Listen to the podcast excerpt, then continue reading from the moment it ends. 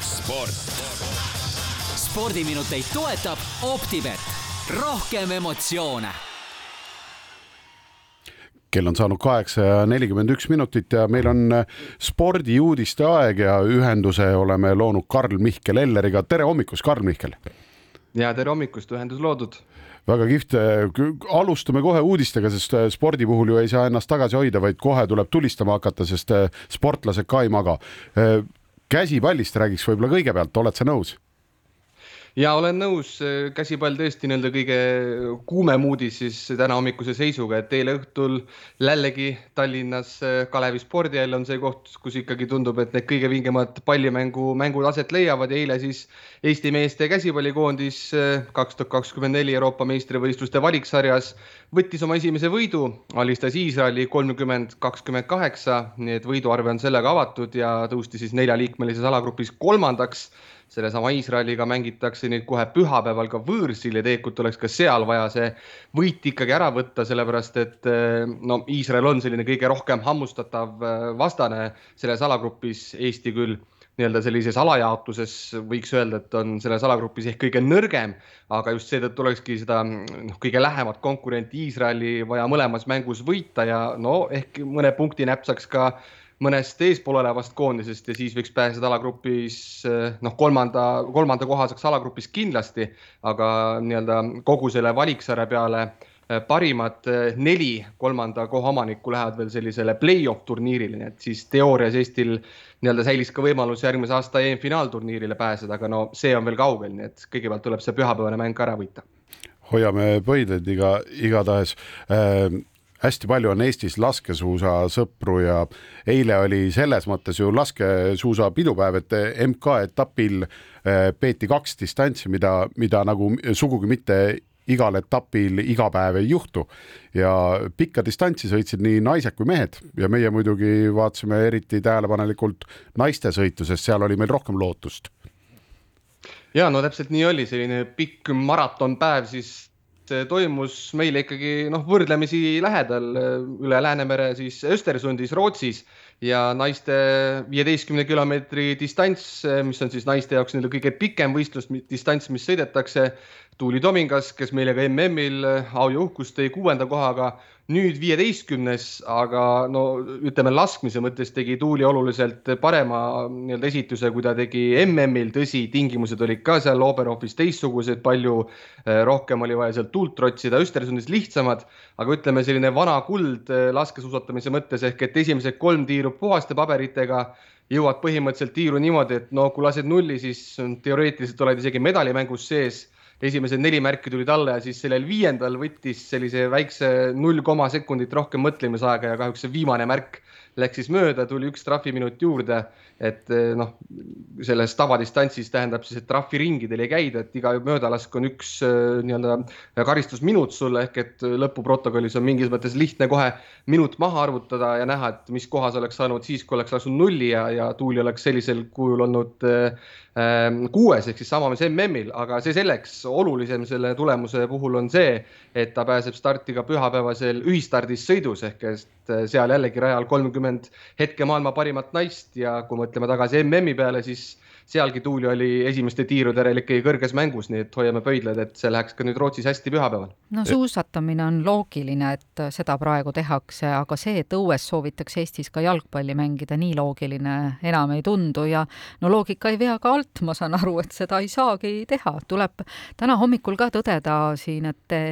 kuidagi on aastaajad veidi nihkesse läinud, kui hommikul Põltsamaal ja Jõgeval mõõdeti kakskümmend neli külmakraadi, siis on ka üsna loogiline, et see ei ole väga jalgpalli mängimise ilm. No just, et eh, just tahakski öelda, et Eesti eh, Jalgpalliliit ka siin eile no vahetult pärast tööpäeva lõppu teatas, et kõik nädalavahetuse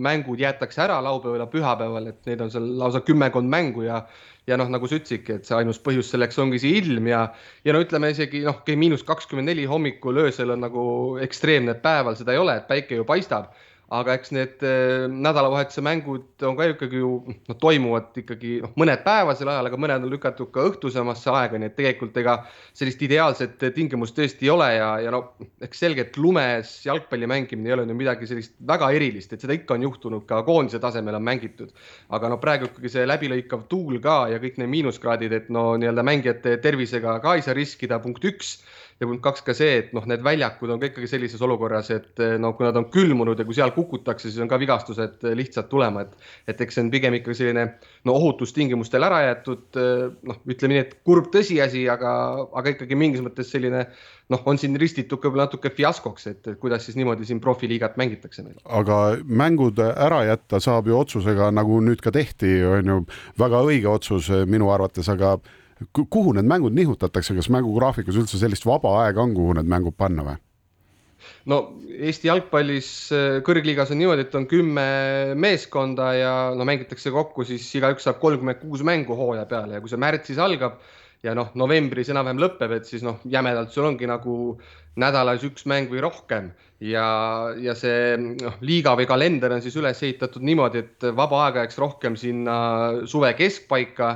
ja noh, eks Eestis on ju ka see jalgpalliliiga ju teises rütmis, kui ta käib Euroopas, et Euroopas praegu ikkagi klubiliigad hakkavad vaikselt juba jõudma kulminatsioonini, nagu see meistrite liigagi, siis see suvine aeg, kus Eesti jalgpalliliiga peaks täie hooga käima, on siis see hetk, kus tegelikult äh, eurosarjad alustavad oma kvalifikatsiooniturniiridega.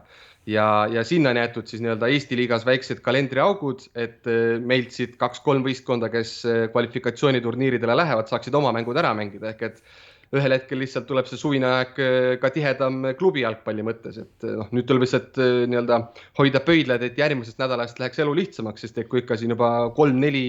noh, mõnel meeskonnal vaata et viis vooru edasi lükatakse, näiteks Tartu Tammeka polegi hooaega veel alustanud.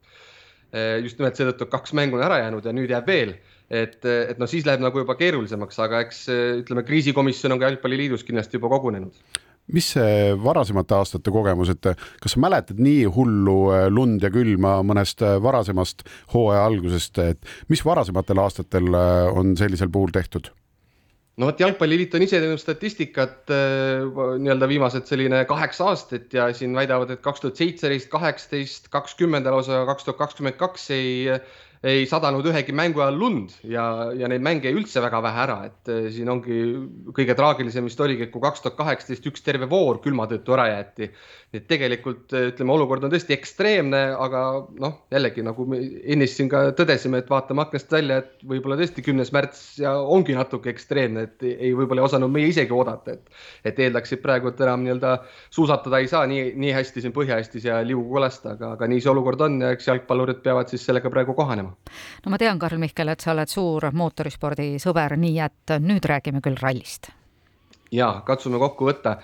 Äh, MM-sari, kus Ott Tänak ja Martin Järve on liidrid, läheb küll edasi järgmisel nädalal Mehhikos, aga sellel nädalal tehakse algust Euroopa meistrivõistluste sarjaga meile kõvasti lähemal Portugalis ja no see Euroopa meistrivõistluste sari, noh, võib-olla on selline tundmatum suurus, ta on küll, ütleme, teoreetiliselt tugevuselt teine võistlussari MM-i kõrval aga no ta on ikkagi jäänud nagu suure venna varju, aga tänavune hooaeg tundub selles mõttes eh, toovad sinna nagu teisi uusi tuuli juurde. et EM-sarjas siis sõideta nii-öelda WRC autodega või Rally1 autodega tänapäeva mõistes, et seal on nii-öelda kõige see tummisem klass siis Rally2 autod või kunagise nimetusega R5 autod ja neid nüüd Portugali rallil läheb starti tervelt nelikümmend ja eks seal on neid sõitjaid ka ikkagi no ütleme no viisteist, kui isegi mitte rohkem, kes äh, ikkagi noh, konkureerivad poodiumikoha nimel. Ja siin ERC, noh siis kui WRC on selline MM-sarja analoog või ütleme ingliskeelne lühend, siis ERC-ks nimetatakse seda EM-sarja rahvusvaheliselt siis äh, sellel avaetapil on lausa kümmekond oma riigi meistrit stardis, et see näitab ka seda ikkagi, et see tase on oluliselt kerkinud ja, ja tuleb ka eestlastele pöialt hoida, et on meil ka oma maailmameister, juunioride maailmameister Robert Virve stardis, Georg Linnamäe ja Gregor Jeets, nii et ka nemad kindlasti loodavad seal kruusarallil teha väga hea tulemuse ja, ja tulla kindlasti esikaheksa sekka. meil äh, on äh, alati rõõm jälgida ka seda, mis toimub tennises ja meie praegune esireket Kaia Kanepi mängis väga tugeval turniiril Indian Wellsis, kuidas tal läks? Ja Indian Wells on selline, ütleme suurte slämmide kõrval tõesti üks äh, väga esile kerkinud turniir Ameerika Ühendriikides. Kaia läks kahjuks kehvasti, kaotas avaringi matši agressorriigi esindajale, valgevenelasele Aleksandra Sasnovitšile. aga võib-olla isegi põnevam on nüüd vaadata tulevikku, et kui ühele baltlasele Sasnovitš tegi tuule alla, siis nüüd eh, täna õhtul või öösel vastu homset kohtub Sasnovitš ühe teise Balti riigi tennisistiga, täpsemalt siis Lätit esindava Jelena Ostapenkoga ja no hoiame siis pöidlad, et lätlane nii-öelda maksaks selle võla eest kätte või selle kaotuse eest kätte, mis Kaia sai. Ja OpTibeti koefitsiendid on ka sellised, et Ostapenkol selles kohtumises üks koma nelikümmend ja Sasnovitšil kaks koma üheksakümmend, nii et eks see räägib oma keelt ja Ostapenko ka maailma edetabelis on kõrgemal kohal, nii et selles mõttes lätlanal on igati võimalus Indian Wellsis teha üks hea turniir. Aitäh, Karl Mihkel Eller tänase ülevaate kohta ja joo üks kõva kruusitäis Pärnu aiateed ja siis juba teisipäeval Kuku raadio stuudios. teeme nii, aitäh. sport. spordiminuteid toetab Optibet, rohkem emotsioone